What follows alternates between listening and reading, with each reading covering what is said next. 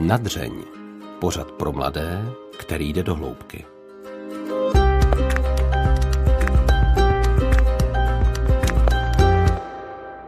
Čekání na Godota. Tak se jmenuje blog, který píše náš dnešní host, psycholožka Jana. Podobně neurčité je totiž její čekání na to, až otěhotní. S manželem se o dítě snaží téměř čtyři roky, zatím neúspěšně. Co prožívá žena, která si od dětství nepřála nic jiného, než se stát maminkou? A jak neplodnost ovlivní partnerství a sexualitu? I o tom si s ní bude povídat Alžběta Havlová. Dnešní druhý díl seriálu Rodina bez filtru bude mít taky bonusový díl. V něm se zaměříme na téma neplodnosti u věřících lidí. Najdete jej pouze v podcastových aplikacích. Přeji vám krásný poslech. U mikrofonu dneska vítám Janu. Děkuji, že jsi přišla. Děkuju, ahoj. Tohle je to nejintimnější, co jsem v životě napsala. A taky to nejbolavější. To se píše na, v úvodu tvého blogu Čekání na Godota, kde vlastně píšeš o tom, eh, jak s manželem čekáte na to, až přijde vaše dítě. Eh, jaké je to pro tebe teď, po třech a půl letech, kdy čekáte o tomhle tématu mluvit? Je to určitě přirozenější než eh, na začátku, eh, tím, že jsem začala psát blog a vlastně nějak veřejně sdílím tady tu celou cestu, eh, nejenom se svýma blízkýma, ale vlastně úplně s neznámýma lidma, tak to začíná být pro mě no, vlastně přirozené a docela jako úlevné, že to nemusím tutlat a nemusím mlžit, typu čekáme, až to příroda nějak jako umožní a až přijde ten pravý čas, tak budeme mít děti. No, myslím, že to nějak jako normálně přiznáváme, že prostě se s tou neplodností potýkáme. No a co ta bolavost? Ta se ještě nevytratila, nebo? Mm, to myslím, že asi, to myslím, že asi nejde, aby se vytratilo. Jo, uh, já nevím, jak to dělám, ale mám pocit, že když o tom uh, s někým mluvím, tak přepínám do takového jako racionálního módu, kdy uh, říkám nějaké fakta a nějak popisuju vlastně, kde teďka jsme, co už máme za sebou, co nás čeká. Um, ale když jsem sama, tak uh, samozřejmě to téma pro mě jako je bolové pořád. A uh, jasně dělám v tom asi nějaké pokroky, nebo pokroky.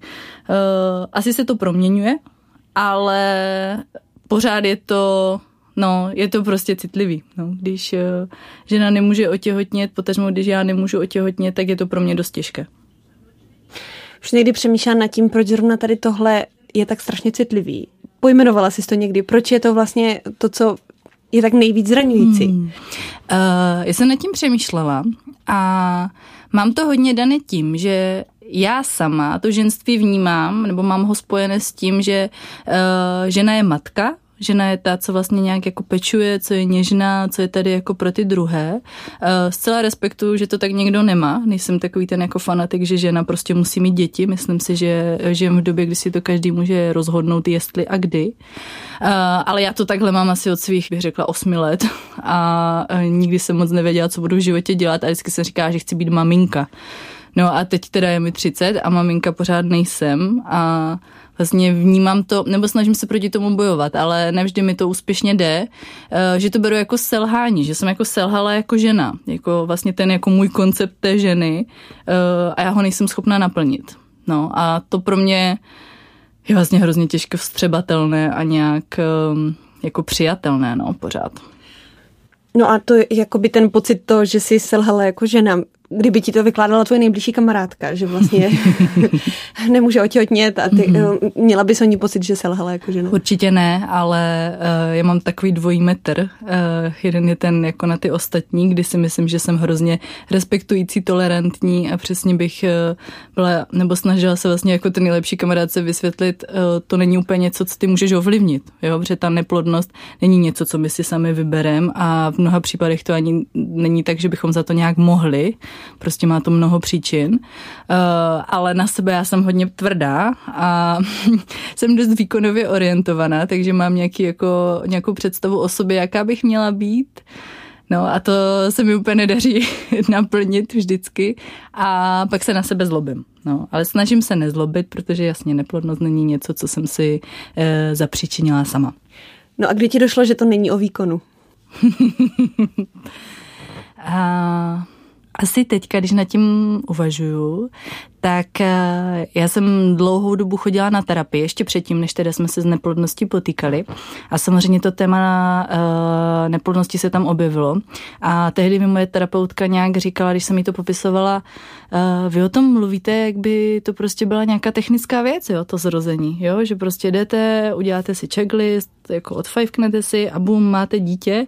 A víte, že to tak úplně nefunguje. Já jsem se tehdy strašně naštvala, jako mě to úplně namíchlo. Říkala jsem si, jako jako není, jo, není. Říkala jsem si, co ona mi tady může říkat, protože ona se mi nějak jako svěřila s tím, že uh, čekali asi tři čtvrtě roku a pak se to teda povedlo a druhé šlo hned. Tak jsem si říkala, no to se ti to tady jako povídá, jo, nemluv o tom v technikálích, když prostě tři roky neřešíš nic jiného než dítě. No a potom to jako uhodilo fakt hřebíček na hlavičku, protože jsem si říkala, ty ona má pravdu. Jakože vlastně fakt jedu v tom módu, že je to prostě něco, uh, já si to naštuduju, já prostě to, pro to udělám maximum a ono se to povede. No a ono to tak není. Takže od toho jsem si říkala, no já na to asi musím přistupovat k tomu trochu jinak. Nemůžu čekat, že uh, to pokořím, i když se snažím, seč to jde a vím, že proto dělám maximum, no ale někdy to jako nestačí. Já to už řekla hrozně moc věcí, na které bych se doptala, ale pojďme, pojďme možná po pořádku. Mm-hmm. Když jste se poprvé s partnerem začali bavit o tom, že byste chtěli dítě? Uh, to bylo asi, no teď to bude čtyři roky zpátky. Uh, my jsme s mým mužem spolu byli tehdy už asi 8 let a nějak dva roky jsme spolu žili a já jsem nějak, my jsme byli spolu na obědě a já jsem otevřela tu debatu, že mm, jestli už není čas. A on se strašně vyděsil chudák, si to dodnes pamatuje říkal, jestli není brzo a jestli si ještě jako neužijem toho bezdětného života. Já jsem mu udělala ty propočty, říkám, nejdřív by to stejně bylo třeba, že já nevím, za rok tak uh, potom říkal, že jo, on je takový rodině založený jako já a věděli jsme, že chceme mít děti a že chceme mít dost dětí spolu. Uh, takže před těmi čtyřmi lety teda proběhla tato, tato debata, uh, že pojďme tomu nechat volný průběh. Si myslím, že potom za tři měsíce jsem vysadila antikoncepci. No a od volného průběhu už uplynulo spoustu vody no, do dnešního dne. Kdy se potom to změnilo z toho volného průběhu, já to fakt hodně chci. No. Nebo jako, kdy tě, kdy to začalo trápit prostě, že... Hmm. Trápit, asi hodně trápit mě to začalo. To bylo asi rok potom, co jsem vysadila antikoncepci a mm, byla jsem u svého tehdejšího pana doktora a ten nějak jako to začal komentovat, jo, že už je to teda rok a že teda pořád nejsem těhotná a že bychom mohli zkusit nějakou jako hormonální stimulaci lehkou, no a když se to nepovede, takže za půl roku umělé oplodnění. Takže s tím přišel doktor, sám jo, od sebe. Sám od sebe. Mě bylo 27 v té době. Myslím, že možná mi ani nebylo 27, teď si nejsem úplně jistá, ale já jsem se tehdy hrozně zablokovala a protože pro mě tehdy umělé oplodnění bylo uh, jako spojováno s ženama, kterým je před čtyřicítkou, které prostě z nějakého důvodu nemohly mít děti předtím a teď to nějak prostě nejde, protože už ten věk plodný jako není ideální. A teď jsem říkala, mě 27, jako rok se snažíme o dítě nebo snažíme, nesnažíme o dítě a vůbec jsem tomu nerozuměla. Jako tehdy mě to fakt hrozně vyděsilo a myslím, že tehdy to, to bylo poprvé, kdy jsem to dost špatně nesla, že jako nemůžu otěhotnět a teď jsem si říkala, no tak ale kde ten zakopaný pes je, protože mě to tehdy ještě nikdo neřekl. Jo, že uh, všechny nějak výsledky všechny vyšetření, dosavadní nějaké um, rozbory hormonálních hladin a podobně, tak uh, vycházely naprosto v pořádku. A já jsem si říkala, no tak přece jako nepůjdem Eh, jako na umělé oplodnění, když nám všichni tvrdí, že jsme jako úplně zdravý pár. No, tak, eh, tak tehdy mě to začalo jako hodně trápit, protože to vlastně ten doktor nějak jako pojmenoval, že asi ten problém je a je potřeba ho řešit medicínsky a no, to, to bylo špatné období. A co si o tom myslíš zpětně? Myslíš jako, že, že to bylo necitlivý, anebo to třeba bylo dobře, že ti to k něčemu nakoplo? Ty teda, když hmm. mluvíš o tom zablokování. Hmm. No jenom jako řeknu mm, pro posluchače, že vlastně po roce už je žena prohlášena jako zaneplovnou, hmm. že? Je to tak. Eh, já to zpětně beru tak, že ten doktor vlastně jako to jenom konstatoval, jo? že spíš jako nabízel nějaké možnosti. Eh, myslím si, že eh, je taky spousta žen, které už po půl roce jsou dost nervózní, jo? že to nejde a že si to představovali úplně jinak a to dítě třeba opravdu tak moc chtějí, že umělé oplodnění je pro ně už po tom roce jako volba. Jenom já jsem fakt tehdy byla prostě ve fázi, kdy jsem na to nebyla vůbec připravená. No a jsem ale ráda teď zpětně, že to takhle proběhlo, že mi to dalo vlastně nějakou možnost se zamyslet nad tím, co já vlastně sama chci a nechci. Eh, já jsem totiž taková, že dost jako dodržuju pravidla a dost uznávám autority, takže když mě doktor řekl, hm, hele, když to nepůjde, tak za půl roku prostě se potkáme na IVF, tak pro mě to bylo jako, co s tím mám si počít teď. No a tehdy jsem byla takový trochu rebel a řekla jsem si, že ne, že prostě na to kašlu, že na to nejsem připravená. A tehdy já úplně racionálně smýšlející člověk orientovaný na západ a naprosto důvěřivý v západní medicínu jsem si řekla, ale nevím, jestli mě to uspokojuje takhle. Jo, že nevím, jestli se chci vydat tady tímhletím směrem, že budu své tělo nějak jako hormonálně stimulovat, eh, nevím, co to se mnou udělá, nevím, s jakým výsledkem to bude, protože IVF není jako záruka jako dítěte nebo záruka otěhotnění, je to jako jedna z možností. No a začala jsem jako brousit do důvod hormonální jogy a čínské medicíny, což jsem se na to předtím dívala strašně skrz prsty. Teď zpětně si říkám, jako jaká hloupá jsem byla, jo. A pak jsem pochopila vlastně, proč ty lidi to vede občas k tomu, že uh, jako odbočí z tady té, toho chodníku té západní medicíny, protože fakt někdy ten doktor, i když možná to myslí úplně dobře, se tak jako dotkne citlivého místa, že tomu člověku může ublížit. Protože já jsem si tehdy opravdu připadala jako vlastně dost ublížena, že se mě to fakt jako dotklo. No a tak uh, už jsi zmínila teda hormonální jogu, uh, nějakou čínskou medicínu, tak co, co ještě jakoby alternativního si dělala, uh, anebo nejenom alternativního si dělala pro to otěhotnění? Uh, Nějak jsem se zamýšlela nad tím, jak vlastně žiju. To tak šlo jako ruku v ruce. Uh, jsem byla docela pecival předtím, nebo ne úplně, bych jako nedělala nic, ale sport, eh, nejsem úplně nadaná sportovně, takže nějak jsem se hýbala, ale za moc to nestálo. Takže tehdy jsem si říkala, že možná fakt bych tomu mohla jít trochu naproti a to tělo připravit na to těhotenství, co jako nejvíce to jde.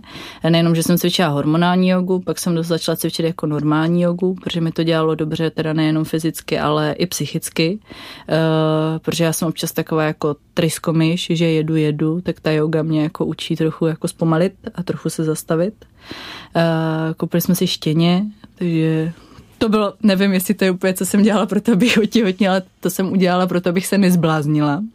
Takže jsme si pořídili asi dva roky potom, co jsme se snažili o dítě eh, štěňátko, takže starosti šly úplně jako o dítě stranou, protože jsme měli psí mimino, o které jsme se museli starat.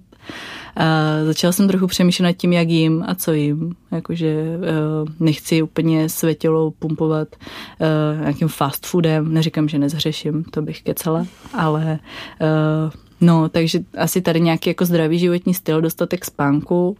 Pak jsem zkoušela nějaké jako mm, doplňky stravy, ať už to byly nějaké jako vitamíny, kyselina listová a podobně, nebo nějaké jako bylinné preparáty. A, no já mám akorát velký problém, že mám mm, špatnou vůli u něčeho vydržet, když nevidím výsledek. Takže bych řekla, že jsem tak všechno jako hezky oťukala a když to po půl roce neneslo ovoce. To tak... se teda vydržela dlouho, mimochodem mm. půl roku. Mně přijde dlouho. Já myslím, že teď v tom kontextu těch tři a půl let, už to budou čtyři za chvilku, mi to přijde, že to bylo vlastně krátké období. No. No a vyčítala jsi, když to nezafungovalo, když si pořád ne, To ne, to asi ne. Protože jsem fakt nedělala žádné, bych řekla, harakiri, že to nebylo nic drastického a snažila jsem si to jako nějak... Um, pojmenovat, že to dělám pro svoje tělo. Jo, že vlastně ty věci dělám, abych byla zdravá, abych jako se připravila na případné těhotenství. Eh, nebylo to tak, že fakt eh, já nevím, mě nic úplně nenapadá drastického, co se může dělat jako v tom otěhotnění, ale uh, myslím si, že jsem si tím neublížila. Tak. Mm-hmm. Můžeš popsat, jak se prostě přesně žena cítí? Jako teď si popsala ty věci, které si prostě mm-hmm. reálně dělala, ale co ty, co ty pocity, jako ty jako psycholožka, um, předpokládám, jako by jsi pořád snažila myslet asi pozitivně, ale ono, ono to ne vždycky jde, že? No jasně, pozitivní myšlení, alfa a omega všeho, to je taky trochu jako past, bych řekla na lidi. Um, ty pocity jsou dost smíšené. Uh, já tom bych řekla, že občas jako lítám od extrému k extrému. Eh, když jdem do toho pozitivního, tak eh, je to o tom eh, opravdu jako dodávat si tu naději, říkat si, hele, to půjde, prostě brzo otěhotním, určitě se to povede, fakt neexistovala, nebo tehdy neexistovala žádná objektivní příčina, proč by to jako nemělo jít, takže jsem si říkala, prostě někomu to trvá měsíc, někomu to klidně trvá dva roky, protože jsem měla ve svém okolí nějaké kamarádky, které to tak měly.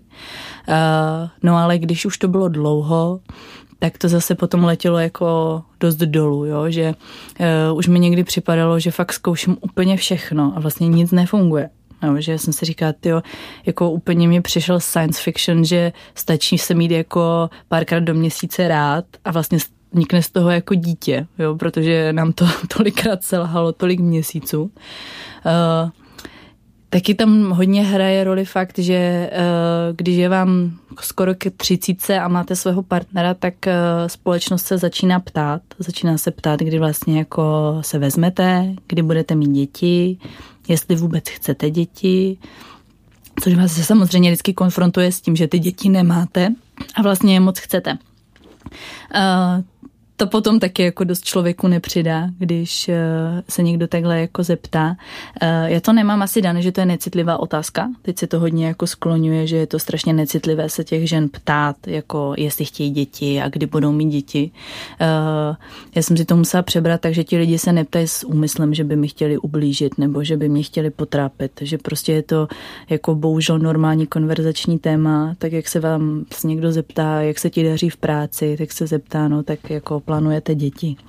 Eh, samozřejmě to, že to potom rozjede kolotoč nějakých myšlenek a teda pochyb, sakra, tak jako co dělám vlastně špatně. Jo? Je to uh, hodně o nějaké i jako vině nebo pocitu viny, uh, jestli já jsem prostě neudělala něco špatně v tom životě, jo? že jako ne, že bych úplně věřila na nějakou karmu, ale je to taky o tom, že prostě člověk hledá jako kde je ten zakopaný pes.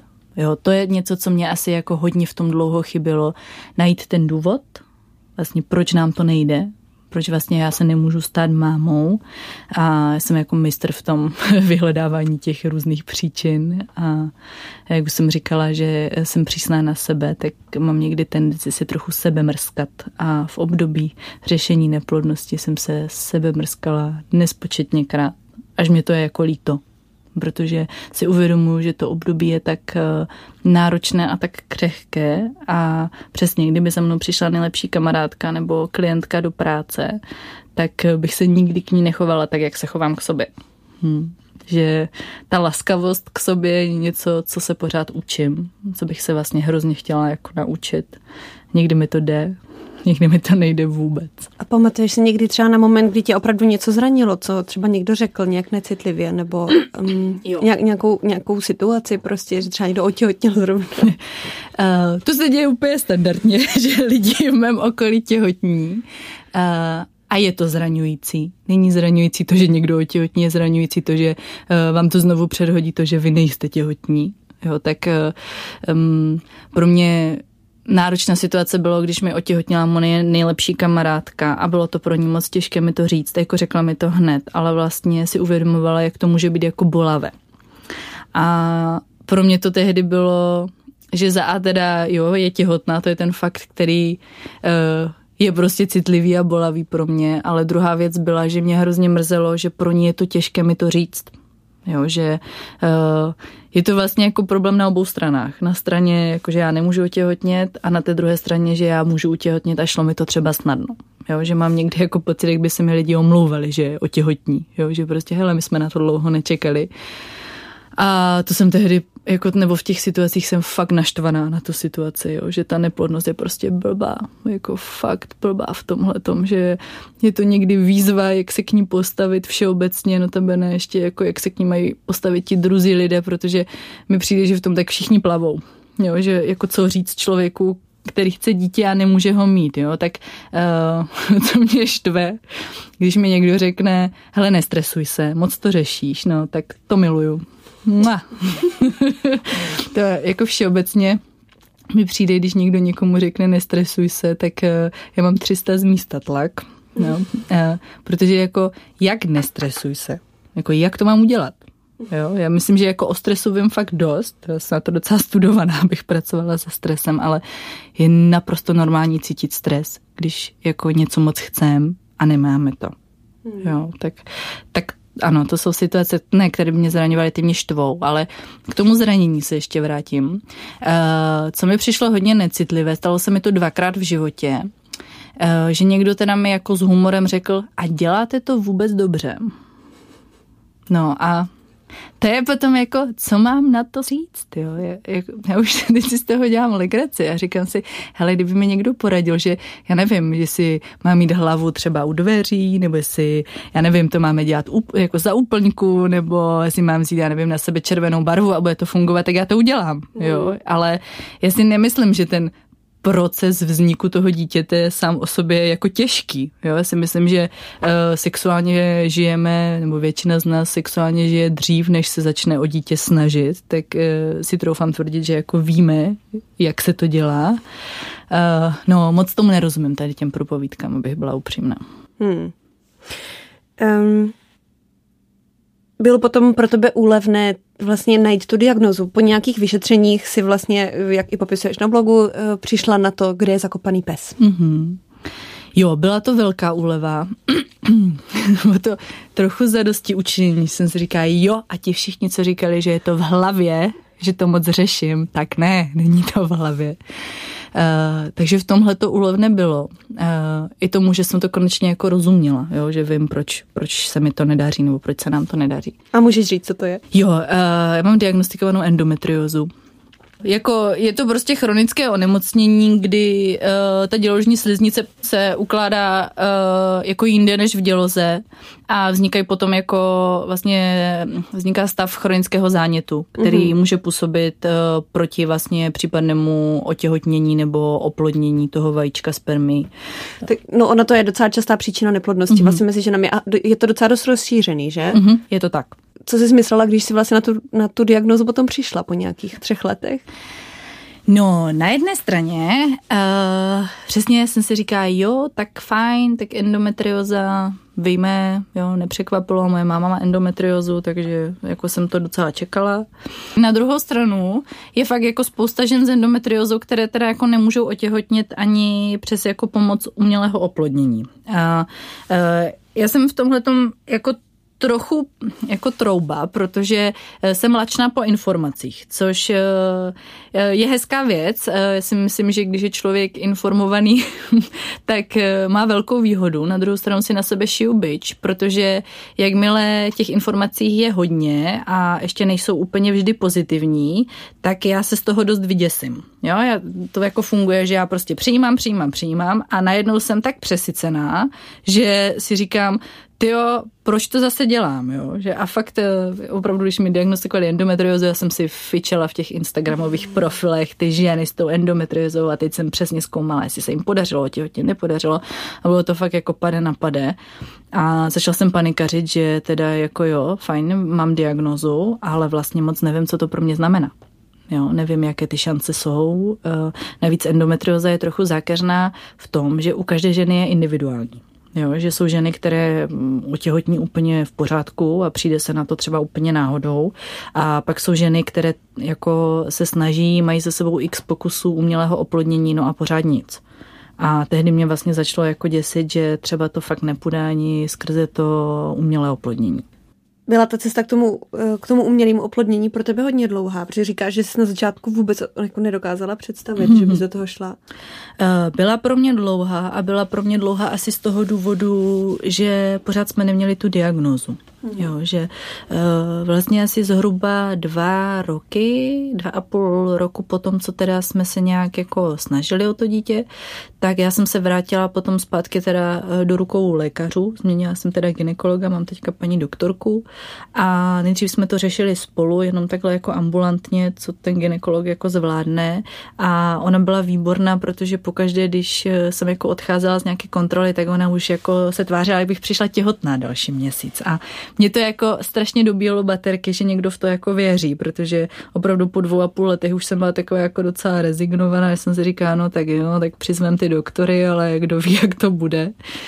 No a teda to nějak plynulo, plynulo. No a potom, když teda zazněla ta endometrioza a s tím, že to teda může být dost komplikované, tak tehdy už jsem neváhala. Teď už jsem měla fakt jako opravdu objektivní důvod, proč k tomu přistoupit a přišlo mi to, že to je jako správné řešení. Mm-hmm.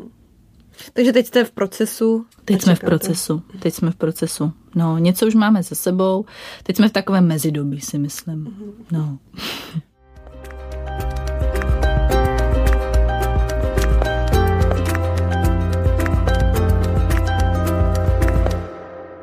Jak to ovlivní partnerství, když vlastně uh, tu diagnózu se, ne, se najde vlastně u jednoho z vás? Mm-hmm.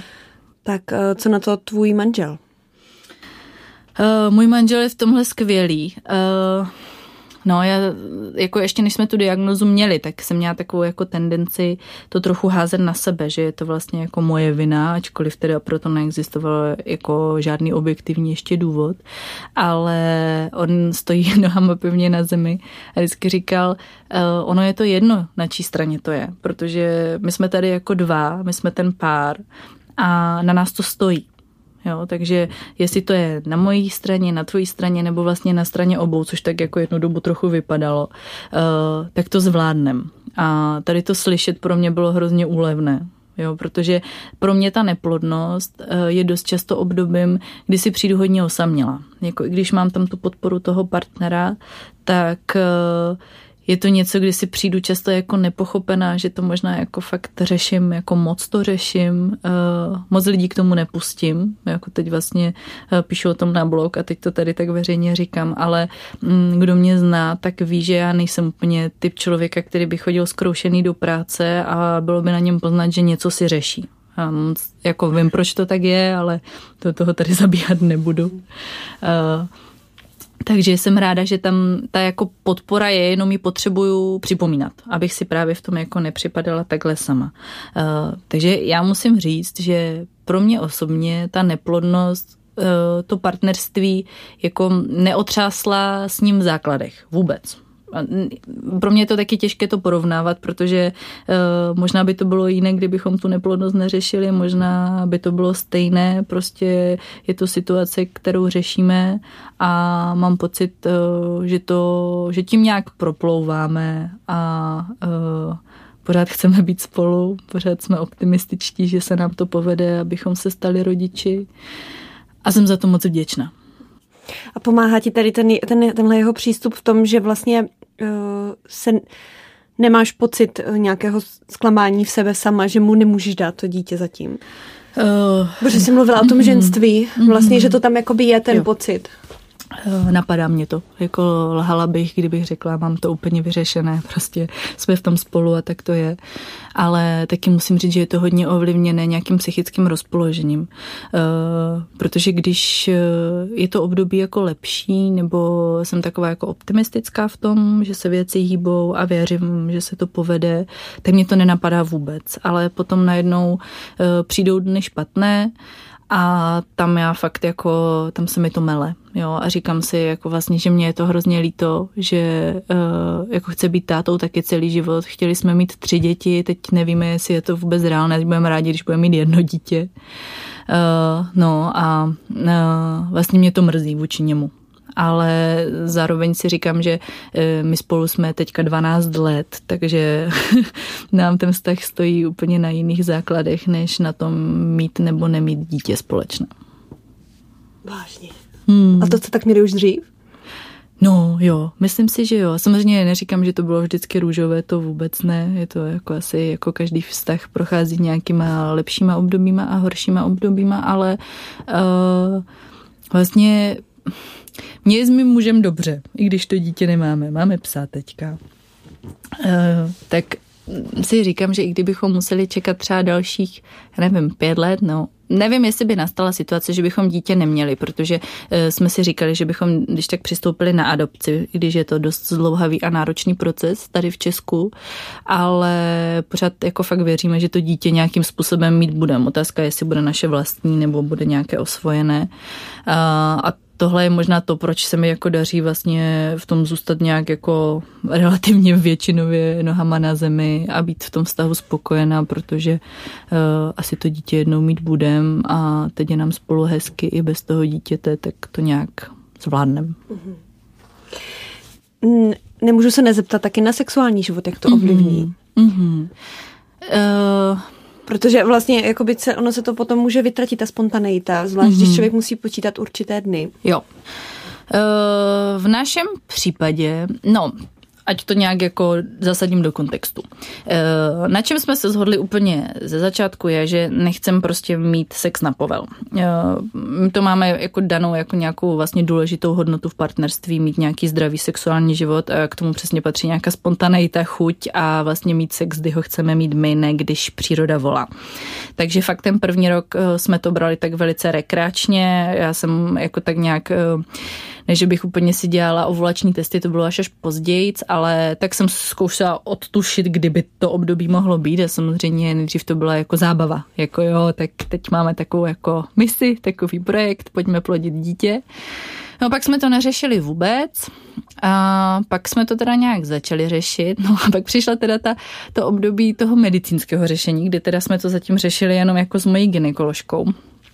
A to spočívalo v tom, že já jsem teda asi čtyři měsíce jezdila každý měsíc jako na ultrazvuk, aby mi paní gynekoložka jako stanovila, kdy přesně teda probíhá ta ovulace, takže kdy jsou ty moje plodné dny. No a ono se to tak jako hezky uh, sexy nazývá uh, řízený pohlavní styk. Jo, to je, jenom to říkám, tak mám úplně jako davivý reflex z toho, no. A to byly krušné měsíce. To jako opravdu musím říct, že jakmile to bylo jako vlastně nařízení doktora, mějte prostě sex dnes, zítra pozítra, tak to byla fuška. A fakt jsme tam jako začali oba dva pocitovat, že jako tohle není vůbec ideál a tohle vůbec není to, co jako chcem. A řekla jsi to jako manželovi v tu Jo. chvíli, že teď prostě musíš, hmm. anebo jsi to nechala pro sebe. No já jsem, no takhle, my jsme se dostali asi trošku do pasti, protože uh, můj muž je takový, že on jako chce ty věci vědět, mm-hmm. ale zároveň taky to na něho trochu šije bič, protože jako když mu zavolám, jedu od doktora, jak to dopadlo? No dobrý, měli bychom mít jako dneska nebo zítra sex. No tak jako není to, vů- vůbec to není erotické, vůbec. Jo? Prostě fakt se tam z toho vytrácí to, co by tam mělo být. No a uh, fakt jako tam asi nějaký druhý nebo třetí měsíc jsme opravdu jako řešili, že jsme z toho byli oba dva dost jako unavení a uh, jako jak dlouho to takhle vydržíme, jo? protože tam poprvé v životě jsem měla pocit, a to bylo fakt po třech, po třech už skoro letech, co jsme to řešili, uh, jako jestli si fakt tím nezrujnujeme ten sexuální život, jo. To, co jsme prostě si řekli, jako hele, tohle je náš jako prostě stop stav, jako za tohle my nepůjdeme a najednou už jsme v tom byli spolu. A já si pamatuju, kdy už potom uh, jsme byli rozhodnutí, že teda půjdeme jako na kliniku asistované reprodukce, že prostě tohle není cesta, jako která nám funguje, a naopak, která mě tam pak zjistili tu endometriozu díky tomu, tak uh, jsme se vlastně hrozně těšili, kdy to skončí. A já si pamatuju, že ten měsíc po, uh, protože já už jsem to poznala, že nějakou ovulaci mám a řekla jsem si, a teď ne, teď prostě nechci. Jakože opravdu to necháme jako minem to, prostě už jsme nepočítali s tím, že by to přirozeně šlo.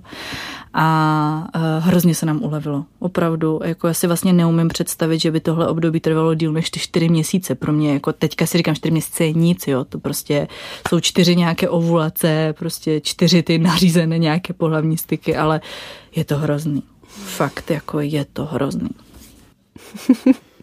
Počkej, takže ty, vy už teďka vůbec nepočítáte s tím, že by to šlo přirozeně? Už si jako by tady tohle teďka předala vlastně fakt do té... Uh, Jo. Jo, jo, jo. Není to tak, že bychom se nějak chránili, to vůbec ne, ale uh, myslím si, že když fakt tři, tři a půl let se to neřek, jako nedařilo spontánně, tak si myslím, že je fakt malá pravděpodobnost, že by se to podařilo. No a neuvažovala si jakoby tím stylem, že... Uh, já nevím, že on ten nový život prostě vždycky může vzniknout úplně nečekaně. Uh, spoustě lidem kol, o, o našem okolí se to podařilo, prostě mm-hmm. i když nechtěli. a uh, že, že přeci jenom ta jakoby náhoda a nějaká ta malá šance tam je, tak znamená, jako opravdu, opravdu nečekáš už na, te, na tu menstruaci s tím, že bys to podařilo. Fakt ne.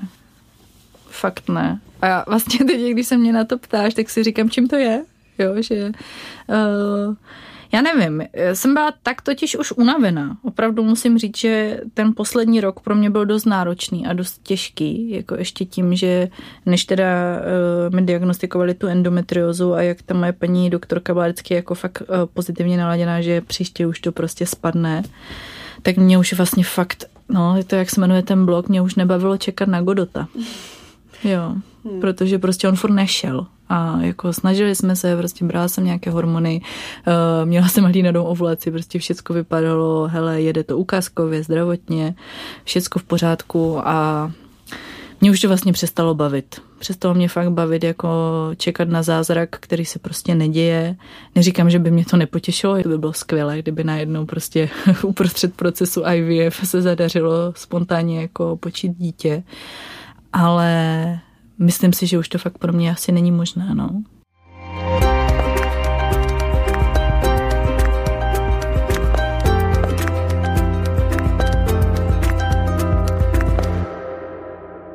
Mě ještě zaujalo, že v tom partnerství, že vlastně jsi zmiňovala, že ten váš vztah stojí na jiných věcech, než na tom, že budete mít společně děti, tak dokázali jste si jakoby představit, fakt opravdu ten život bez dětí, nebo mm, já nevím, jako vytanuli ti někdy třeba v takových těch slabších chvilkách, jako že prostě ne, já prostě nebudu mít eh, dítě nikdy. Mm-hmm.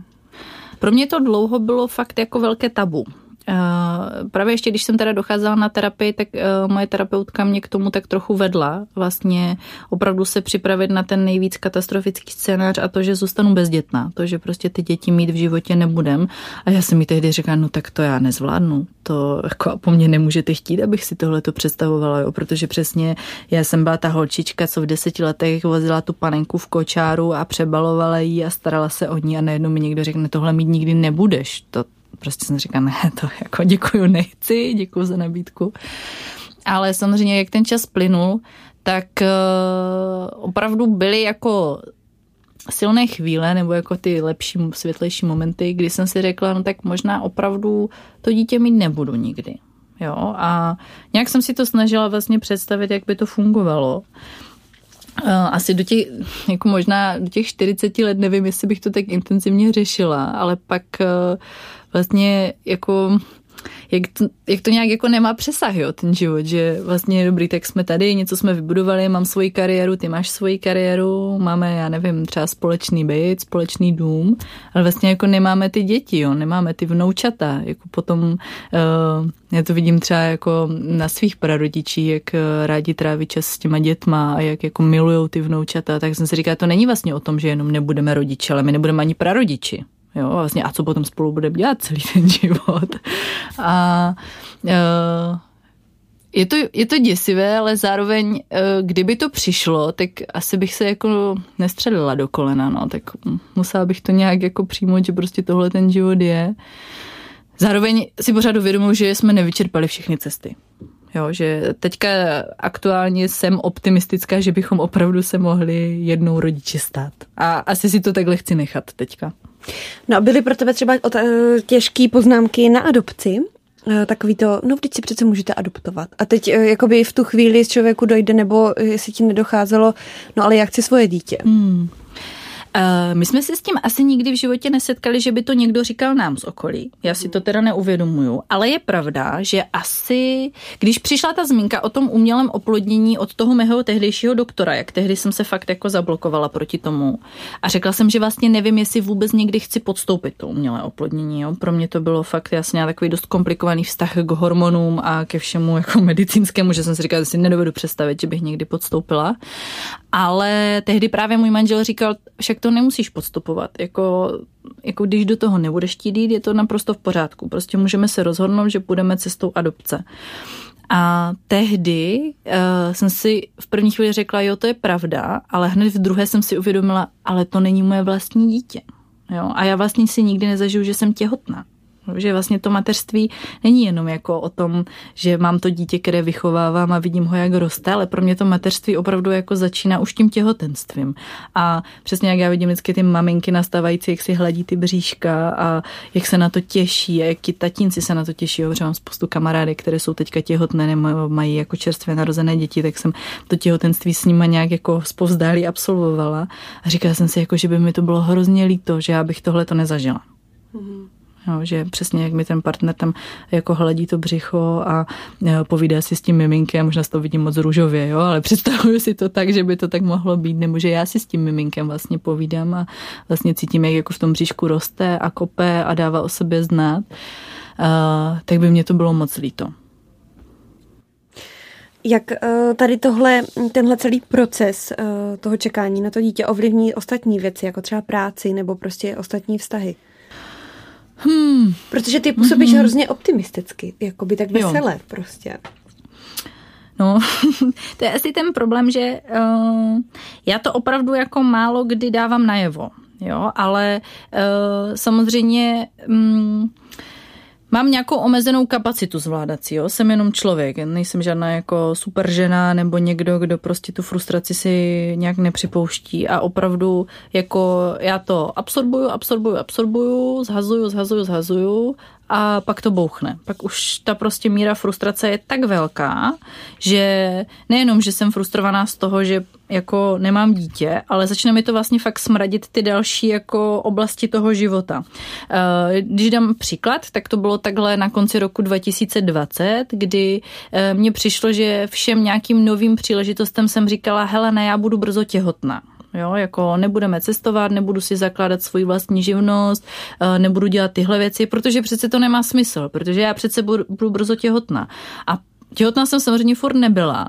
A říkala jsem si, já stagnuju. Já vlastně poslední tři roky jsem furt jako na místě s tím, že říkám vlastně všemu jako ne, protože prostě já budu za chvilku ta máma a hrozně mi to začalo štvát. Jako vlastně nejenom, že mě štvala ta neplodnost, a už jsem se začala štvát jako já sama. Jo? A začala jsem vnímat, že jako tohle mi nevyhovuje, tady jsem nespokojená, abych se potřebovala nějak jako rozvíjet a vyvíjet. A tehdy jsem si řekla, že jako to takhle nechci, jo? že jako nechci být vlastně jako spruzená věčně. Protože to je taky, jo? přijdu domů, jsem spruzená z práce, potom jsem jako spruzená na manžela, který za to vůbec chudák nemůže, ten je taky spruzený, takže nejenom, že teda jsme spruzení ze všeho kolem, a ještě se tam poštěkáme kvůli naprostým nesmyslům. A to jsme si fakt několikrát taky museli jako vyjasňovat, že jestli nám to za to stojí se jako teda ještě takhle dohadovat kvůli ničemu, když řešíme fakt jako dost velké věci, které stojí stojí spoustu naší energie, našeho času a vlastně naší nějaké frustrační tolerance tak je to o, u mě je to fakt o nějakém vědomém rozhodnutí. Jakože uh, já jsem schopna to pustit. Třeba teďka nedávno jsem měla fakt dva špatné týdny, kdy uh, mě prostě fakt ten svět nebavil, kdy mě prostě štvalo úplně všechno, jako fakt úplně všechno. Přijde, že tento rok uh, je vždycky jako, že udělám dva kroky dopředu a tři zpátky, protože něco do toho hodí vidle. Já mám plán, nejhorší, když mám plán, to nikdy nevíde něco mi to naruší a já to hrozně špatně nesu, jako trvá mi dlouho, no, nebo dlouho, trvá mi nějakou dobu, než se z toho oklepu. A to potom fakt jako to nadávám furt a na všechno, jo, tak jenom abych tady nezněla, že jsem hrozně pozitivní a že jako jo, super, všecko pokořím, uh, já to pokořím, já tomu věřím, že jo, ale není to jednoduché. Jo, fakt jako opravdu někdy se chci zavřít do skříně, nechci, na mě někdo mluví a chci brečet a řvát, že je to nespravedlivé, že prostě je to nespravedlivé, že nemůžu otěhotnit, že je to nespravedlivé, že mám endometriozu, že je to nespravedlivé, že je to tak dlouho. No, teď se dostávám do ráže trochu, když o tom mluvím. Přemýšlela jsi někdy, proč zrovna ty? Asi ne. Nebo asi jsem si to kladla, jo, to myslím, že je dost přirozené, jako proč se to děje zrovna hmm. mě. Ale měla jsem nějaké takové jako pidi teorie. Přesně to, jak uh, jsem ráda systematická a organizovaná. Teď já mám prostě takový ten, měla jsem ten timeline, že jo, prostě odmaturuješ, jdeš na vysokou školu, odstátnicuješ, jdeš do práce, vyděláš nějaké peníze, vybuduješ si nějaké svoje bydlení, svatba, dítě, jo, dovolená v Jugoslávii, první auto.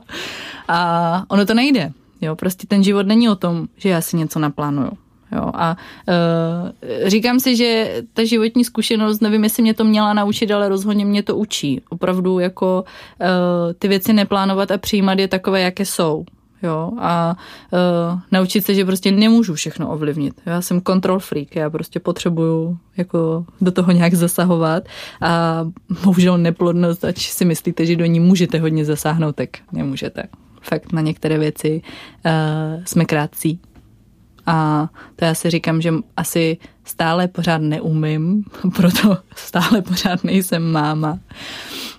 Ale vlastně jako na druhou stranu si říkám, že to nedává smysl, že je tolik kontrol friku, co otěhotní na první dobrou, že to asi úplně nebude nějaká vše zastřešující teorie.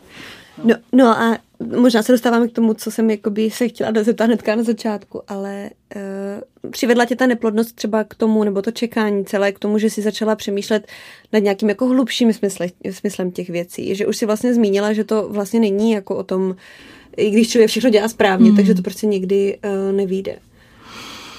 Uh, jako prostě jenom to, že jako vznikne nový život, tak uh, tady tohle... Uh, uh, teďka možná nevím, jestli budu odpovídat na tu otázku, ale mm, teď, jak jsi mluvila o těch jako hlubších věcech, o tom, že dítě je jako zázrak, že vlastně je to fakt zázrak zrození, jo, tak uh, já si pamatuju, že uh, když jsem jedné své blízké osobě řekla, že teda uh, se snažím otěhotnět, tak uh, ta reakce přišla a víš, že dítě je zázrak. Já jsem si říká, jako jak zázrak, co tím chce básník říct. A uh, tak jsem si říká, jo, tak dítě je zázrak, zrození je zázrak, ale uh, on to fakt zázrak je. Jo, jenom mě to trvalo tři roky jako na to přijít. Jo, že opravdu tohle není pro mě samozřejmá věc. Uh, je to něco, je to vlastně asi nedovedu úplně dobře vysvětlit, ale uh, vlastně mě to opravdu učí uh, nebrat věci jako samozřejmost, protože si myslím, že mm, opravdu do nějakých třeba fakt svých 28, 29 let jsem to brala, že prostě to patří k životu, patří k životu mít dítě. Prostě tohle je přirozené, jo? jako my z evolučního hlediska jsme tady proto, abychom se rozmnožovali a prostě ten rod dále budovali a, že jo? ale ono to tak není, jo? Uh, a nebo nemusí to tak být. A uh, je to o tom Opravdu učit se to jako, učit se to přijmout, že to není podle toho, jak já to chci. Jo, a uh, nevím, nevím úplně, jestli věřím na ty věci mají nějaký svůj čas, na časování to mě hrozně prudí, když mi někdo říká. Ale na druhou stranu si říkám, kdybych otěhotněla hned v 26, tak tady asi nesedím tak, jak jsem teď. Jo, že uh, mě to opravdu jako učí uh, být víc eh, tolerantní nejen k sobě, ale i k lidem, víc nějak jako respektující, víc jako chápající, jo, že ta zkušenost tady toho uh, mi ukazuje nějaké stinné stránky, které jsem vůbec nevěděla, že já mám, jo, že fakt jak jako někdy vidíme lidi se vstekat, nadávat a chovat se iracionálně, tak eh, ono to vždycky má nějaký důvod.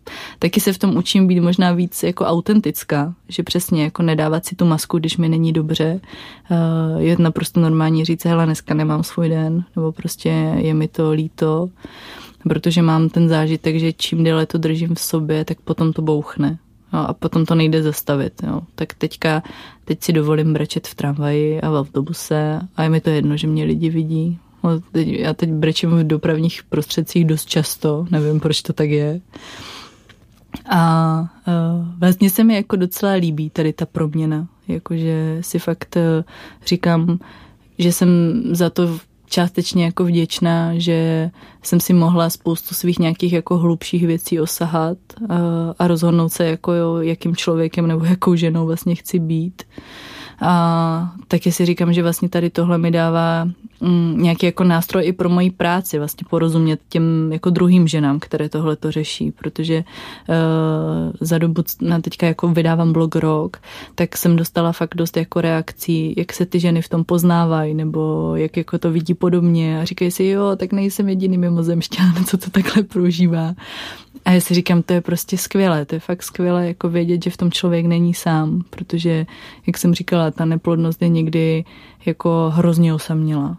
A pro mě ten smysl v tom, že eh, vydávám blog a píšu o těchto intimních věcech je, aby, aby v tom ty ženy nebyly samy aby jako věděli, že je nás spousta, jenom prostě o tom nemluvíme a že je prostě normální být optimistická a věřit v to, že se to povede, je normální to řešit, je normální prostě řešit plodné dny, je normální surfovat na diskuzní fora typu Emimino a Modrý koník, kterým snad každá z nás pohrdá do doby, než tohle to řeší.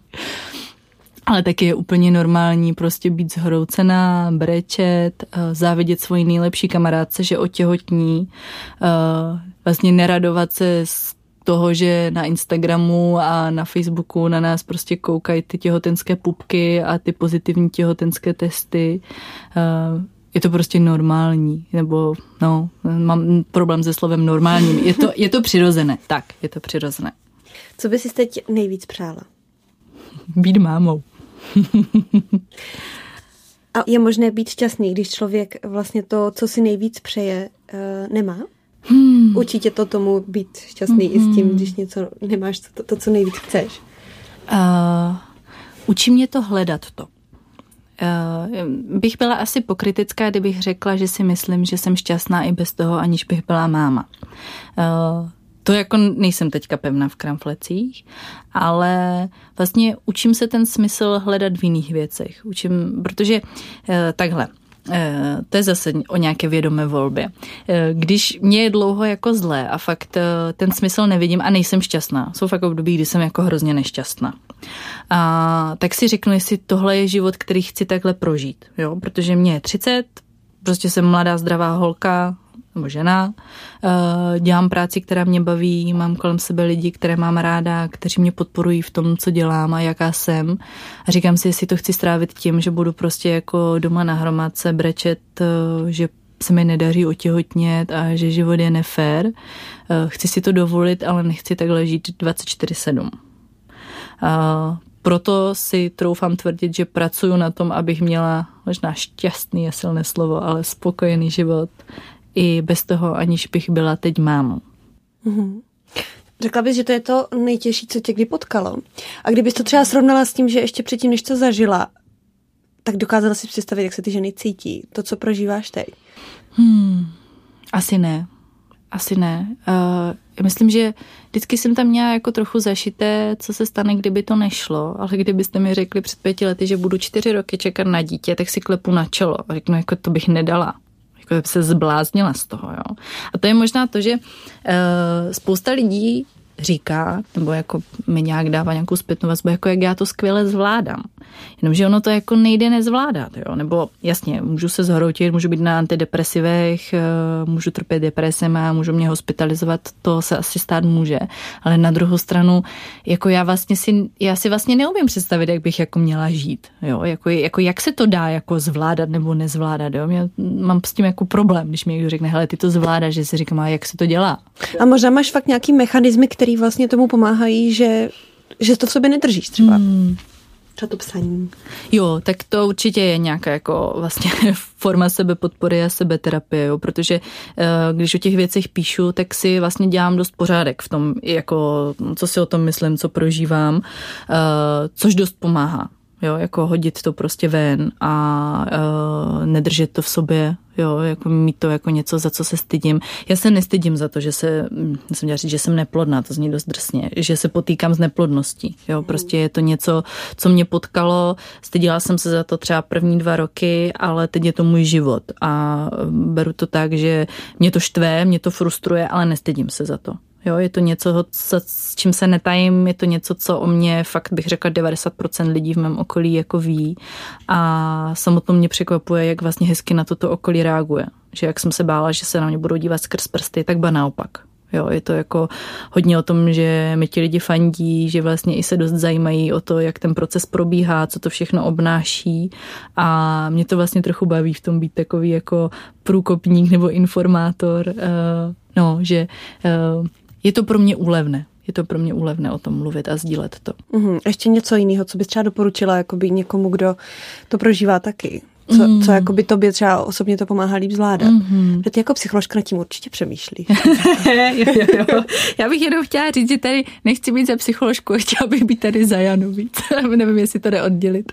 Ale uh, asi mě pomohlo dát si vlastně na ty věci vlastní čas, jo, protože, eh, jak jsem už říkala na začátku, po roce nějakého snažení, kdy jsem nebyla těhotná, tady pan doktor přišel s tím, pojďte do IVF a já jsem si řekla, ne, ne, ne, to já dělat nechci, já na to nejsem připravená, neumím si to představit, eh, nevěřím v to zatím, jo, takže když tam jdu tady tím nastavením, jako hele, bojím se toho, je mi to nepříjemné, jako k čemu to povede, jo, já zase věřím, že ta psychika v tomhle je docela mocná čarodějka, samozřejmě ne všecko jako vyčaruje, ale dost to ovlivňuje. Uh, takže jsem ráda, že jsem se tehdy jako postavila hlavu, snad poprvé v životě a opravdu jsem si k tomu došla jako oklikou za další dva roky, ale opravdu teď, když jsme do toho procesu IVF vstupovali, tak já jsem se na to hrozně těšila.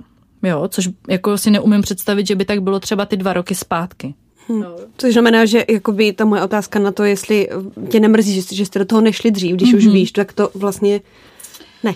Uh, ne, ale samozřejmě má to takové svoje ale. Uh, někdy mě napadá, že možná kdybych si tehdy jako nepostavila hlavu, že bych třeba ta máma byla jo, že by se to třeba povedlo. Ale já to nevím. Já opravdu, jako co by kdyby je pro mě dost nebezpečné vodstvo, do kterého nechci vstupovat a opravdu se snažím k tomu přistupovat tak, že jsme do toho šli v nejlepší čas pro mě, možná jako pro nás, jako pro rodinu s mým partnerem. Uh, a zatím teda musím klepat fakt, zatím všechno dopadlo jako velice dobře. Jo. Mm-hmm. Jak často jsi vlastně ztracená v tom všem, eh, že nevíš, co máš dělat a podle čeho se rozhoduješ? Hmm. No, ztracená bývám docela často. Ztracená asi bývám v momentech, eh, kdy jsem postavena před nějaký jako problém. Ona ta endometrioza mi do toho háže fakt jako dost vidle, jo, protože eh, stále ještě není vyloučené, že ji nebudu muset jako nějak chirurgicky řešit ještě předtím, než teda otěhotním. A to je pro mě jako dost velká výzva vlastně mm, se nějak jako správně a kvalifikovaně rozhodnout, protože doktoři k tomu řeknou nějaké stanovisko, potom já to dost jako rozebírám s nějakýma blízkýma lidma, v mém případě to je uh, můj manžel a moje maminka ale někdy mi přijde, že je to taky jako trochu problematické, protože já eh, to s nima rozebírám a oni samozřejmě v tom jako nejsou úplně, že je to jejich tělo, o kterém by měli rozhodovat a eh, nemají tam ty emoce, které k tomu mám já. A já se někdy dost naštvu jo, že dost často to skončí jako v slzách mých a mě to trvá třeba tři dny si to přežvíknout. Ale vlastně uh, pomáhá mi udělat si, vlastně se sbírat si ty informace, co k tomu mám a nějak dát na nějaký svůj vnitřní pocit, jak to vlastně cítím já, jo, jako co vlastně chci, co je pro mě ta priorita. Je to těžké, jo, a je obzvlášť těžké, jako když to nevíde, si potom nebít do hlavy, proč jsem nešla jako jinou cestou. Ale to je fakt cesta do pekla, tak eh, k ní se snažím přistupovat asi jako co nejméně. Hmm. Je něco, by si teď poradila, kdyby ti bylo znovu 20? abych byla k sobě hodnější. Abych se netlačila do věcí, eh, které mi nedávají smysl. Abych se fakt podpořila v tom, že je to moje tělo, je to můj život a já to vím vlastně nejlíp jo, jako neodmítat uh, doporučení ostatní, ale jsou to jenom doporučení, jo, vlastně jako nemusím se jimi řídit úplně na 100%. Pokud nejde o život, tak opravdu nejde o nic, takže doktoři jsou poradní orgán a asi bych si poradila já vlastně bych asi dělala všecko stejně. krom toho tady, krom tady toho jako studu a těch věcí, ale vlastně nevím, nevím, jestli bych to chtěla dělat jinak. Janí, tak já ti moc děkuju za rozhovor a tak hlavně hodně štěstí. Děkuju moc a jsem ráda, že jsem tady mohla být. To říká Jana, psycholožka a autorka blogu Čekání na Godota. Bonusový díl o neplodnosti a víře si můžete poslechnout v podcastových aplikacích. Od mikrofonu se loučí Alžběta Havlová. Za spolupráci děkuji kolegům Haně Kašpárkové a zvukaři Antonínu Kánskému.